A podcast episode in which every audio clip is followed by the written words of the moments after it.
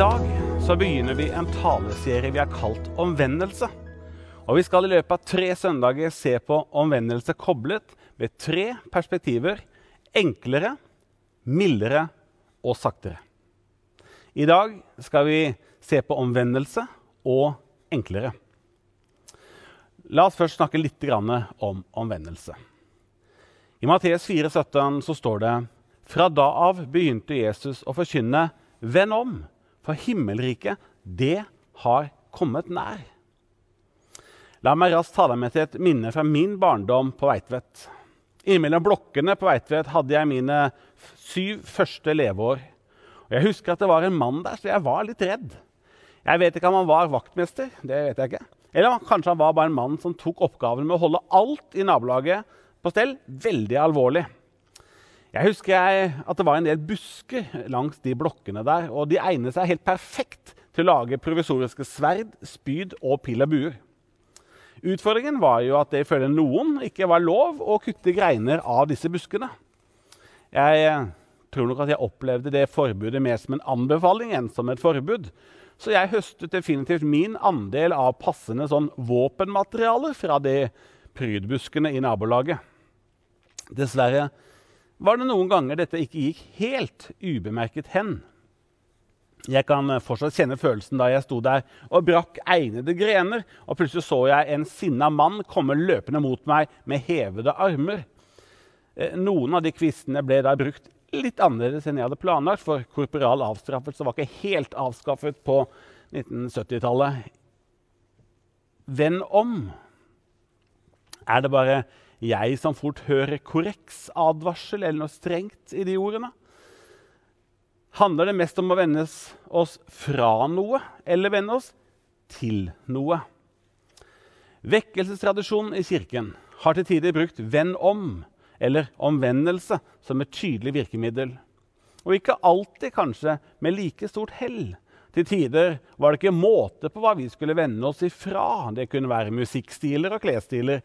Det kunne være hårstiler og pyntegjenstander, smykker, TV, kino, musikkinstrumenter. Omvendelsesfokuset det sikta seg gjerne i retning av kjæresteforhold og seksualitet. Og det var masse interne regler og grenser. Og som oftest opplevde man det som noe som var begrensende, og noe som var strengt. Men jeg tror ikke Jesus kom til vår verden for å skremme noen av oss til å innrette oss etter skrevne eller uskrevne regler. Det var ikke en sint og hevngjerrig Gud som kom til verden. Nei, både døperen Johannes og Jesus de ropte jo sine 'venn om'. Og i utgangspunktet er jo det sånn at de færreste av oss egentlig er åpne for sånne innspill utenfra. Vi er jo opplært til at ingen skal komme her og fortelle meg om hva som er rett eller galt. For det er jo ja, det er vel mitt privilegium å definere for meg selv hva som er rett og galt. Vi sliter jo tidvis med å akseptere og lyde både trafikklover og skattelover og andre påbud. Ting som begrenser vår frihet eller nytelse eller komfort. Det er kanskje ikke bare jeg som kan kjenne på hvor lite sympatisk jeg opplever det når noen mennesker kommer og forsøker å tre sine meninger nedover hodet på meg. Jeg håper jo at jeg ikke selv oppleves sånn. Men når Jesus frimodig trer fram på den offentlige arenaen, så er han utrolig direkte. Han er klar. Han sier til et helt folk, ja, egentlig til en hel verden gjennom alle tider, 'Venn om'. Jeg tenker Det kan være betimelig å stille spørsmålet om det i hele tatt finnes noe tema, noe form, for allmenn skyld eller et globalt behov som legitimerer et felles varsko, et sånt 'venn om'. Men så tenker jeg viser ikke historien at det har vært noen slike berettigede venn om. Jeg tenker på kampen mot slaveriet, som hovedsakelig ble avviklet og forbudt i Europa og Amerika i løpet av 1800-tallet, men som dessverre i skremmende stor utstrekning også skjer i vår tid. Gjennom flere former for menneskehandel.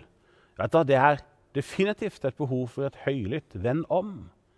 Jeg tenker også det er et helt legitimt behov for et tydelig 'venn om', der hvor rasisme råder, likeverd og menneskeverd tråkkes på. Da trengs det at noen roper 'venn om'. Og vår verden har igjen og igjen virkelig hørt et tydelig 'venn om'. I vår tid så ropes det igjen et kompromissløst og høyt 'venn om' fra mange mennesker, spesielt den oppvoksende generasjonen, som fortvilet ser at naturen, klimaet og planeten vår ødelegges. Det er et helt nødvendig venn om, men som møter akkurat den samme motstand og tregheten som alle disse venn om-ropene alltid har møtt. Ikke nødvendigvis motstand fordi man er uenig, men fordi vi syns det er ubehagelig å bli sett og hørt, eller fordi det koster noe for oss personlig når vi må ta stilling til og kanskje til og med gi avkall på komfort, privilegier eller frihet. Da Jesus ropte sitt venn om, adresserte han egentlig mange ting samtidig. Han pekte på menneskeverd. Han modellerte selv et hjertedrevent inkludering av mennesker, uansett rase, kjønn, alder eller sosial rang. Han satte søkelyset på og avslørte dobbeltmoral, egenrettferdighet og egoisme. Han pekte oftere på indre lenker enn ytre lenker. Han ropte ut frihet for mennesker som var bundet og fanget av indre sår. Kanskje løgner og bindinger. Det er fristende å male et bilde av en etterfølgelse, etterfølgelse av Jesus som egentlig ikke krever noen endringer i livet, som at å følge Jesus nei, det, det er omtrent som en hobby som du kan bruke litt tid på når du ikke har noe annet du må gjøre. Men sannheten det er at oppriktig etterfølgelse av Jesus den vil føre meg til mange veikryss i livet der hvor jeg faktisk utfordres til å velge bort noe, eller kanskje vende meg bort fra noe. Ting som vil skade meg eller skade andre. At jeg må vende meg bort fra ting som hindrer meg i å bli lik Jesus. Så er jo spørsmålet om jeg egentlig vil følge Jesus hvis prisen er å vende meg bort fra ting jeg har lyst på eller lyst til. Hva hvis kostnaden er så stor at jeg må stå opp når alle de andre setter seg? Når jeg må si nei når de andre sier ja? Vil jeg da følge Jesus? Men hør, Guds venn om er ikke dypest sett en advarsel. Det er dypest sett en invitasjon. Det var først og fremst et lengtende 'kom hjem' som lå i Jesu hjerte da han så et folk på vei bort fra Guds hjerte. Han ropte til oss, 'Venn om! Kom til meg, du som strever og har tungt å bære.' Kom til meg, så skal du få hvile. Han lette etter oss, og så sa han, 'Venn om! Søk først Guds rike, så skal du få alt det andre i tillegg.' Og så bøyde han seg helt ned til alle de som falt under byrden av livets kamper. Og så sa han, 'Venn om! Jeg er jo kommet for at jeg skal få liv og overflod.'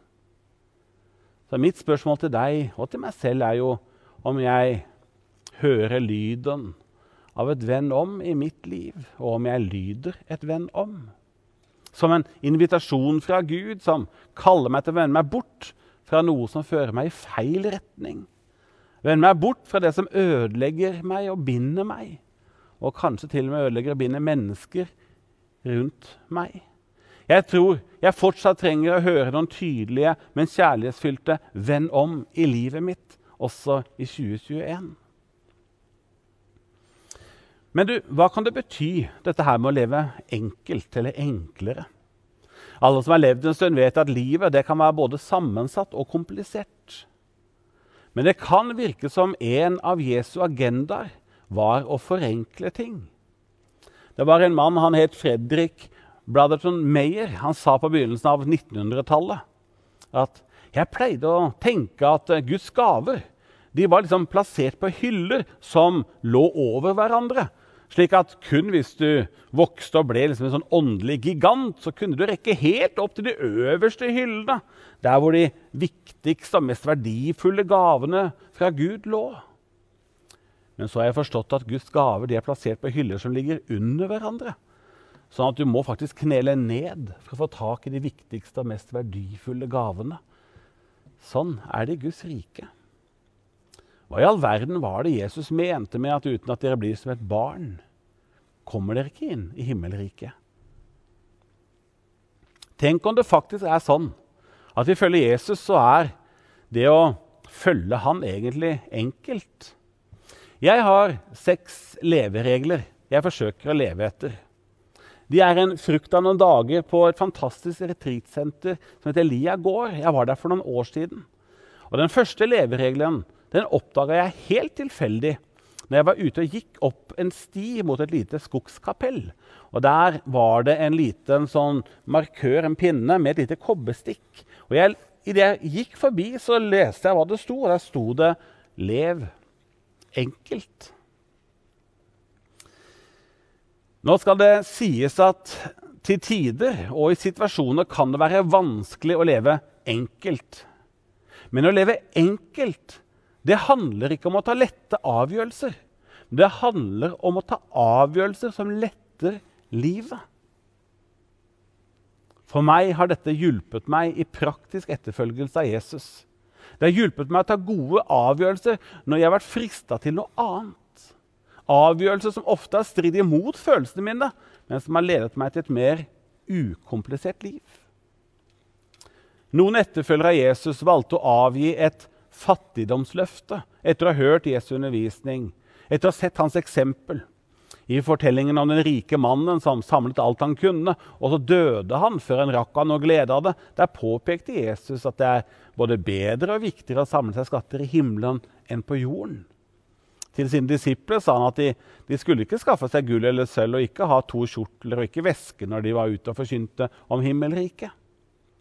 Det er ikke tvil om at materialisme og rikdom har potensialet til å gjøre vårt liv komplisert og definitivt ta vårt fokus. Vi kan jo bruke hele livet på å gjøre oss rikere. Vi skal ikke undervurdere den kraften og den følelsen som kan handle om trygghet og glede, som ligger knyttet til penger og det å eie ting. Det er lett å bli selvsentrert og smittet av dette umettelige behovet etter stadig å eie mer. Forbrukerne. Ja, det er jo det vi er. Vi elsker mer ting. Ting som ofte har en større verdi før vi eier dem, enn når vi først har skaffa dem. Salomo han var jo også rik. Han sier i ordspråkene fire at 'bevar ditt hjerte framfor alt du bevarer'. For livet, det går ut ifra det. Men etterfølgelse av Jesus det handler heller ikke om å være så fattig som mulig. Nei, det handler om å forvalte rett. At mitt hjertes førsteplass, det tilhører Jesus. Og en frukt av det, det er at vi finner en stadig større glede i å gi enn å få. Men Guds rike og i en sårbar verden med mye lidelse så trengs det mange kloke og ressurssterke forvaltere. Vi trenger mennesker som elsker å gi, mennesker som har noe å gi. Alle har jo noe å gi, men vi trenger også dem som har mye å gi, og som har sin glede i å hjelpe andre. Å leve enkelt det peker egentlig inn på alle områder av livet. Det peker også på en bærekraftig forvaltning av skaperverket, at vi ikke skal tappe naturen for mer enn den evner å reprodusere. Og så syns jeg det var interessant når jeg leste bergprekenen i Matteus kapittel 6. Når Jesus underviser, så sier han så mye om dette med å gjøre livet enkelt. Han sier ikke 'gjør gode gjerninger for øynene på folk for å bli beundret'. Det er akkurat som han sier at det, ikke søk menneskers applaus, eller ikke la forventningene de har, styre livet ditt. Han sier videre ikke skryt av gavene som du gir til den som trenger det. Altså, ikke søk menneskers anerkjennelse hele tiden. Ikke vis, sier han videre, deg fram som om du er et veldig hellig eller åndelig menneske. Akkurat som han sier, ikke ta på deg masker. Ikke lat som du er noe bedre eller noe annet enn det du er. Lev enkelt. Tør å være ærlig. Tør å være sårbar. Noe av det vi også hørte David André tatt ord på i dag. Det å få lov til å si at livet er lett, og det er vanskelig. Ikke samle deg skatter på jorden, sier Jesus også, men heller i himmelen. Vær ikke bekymret, fortsetter han og sier. Heller ikke for morgendagen, men ha tillit til Gud.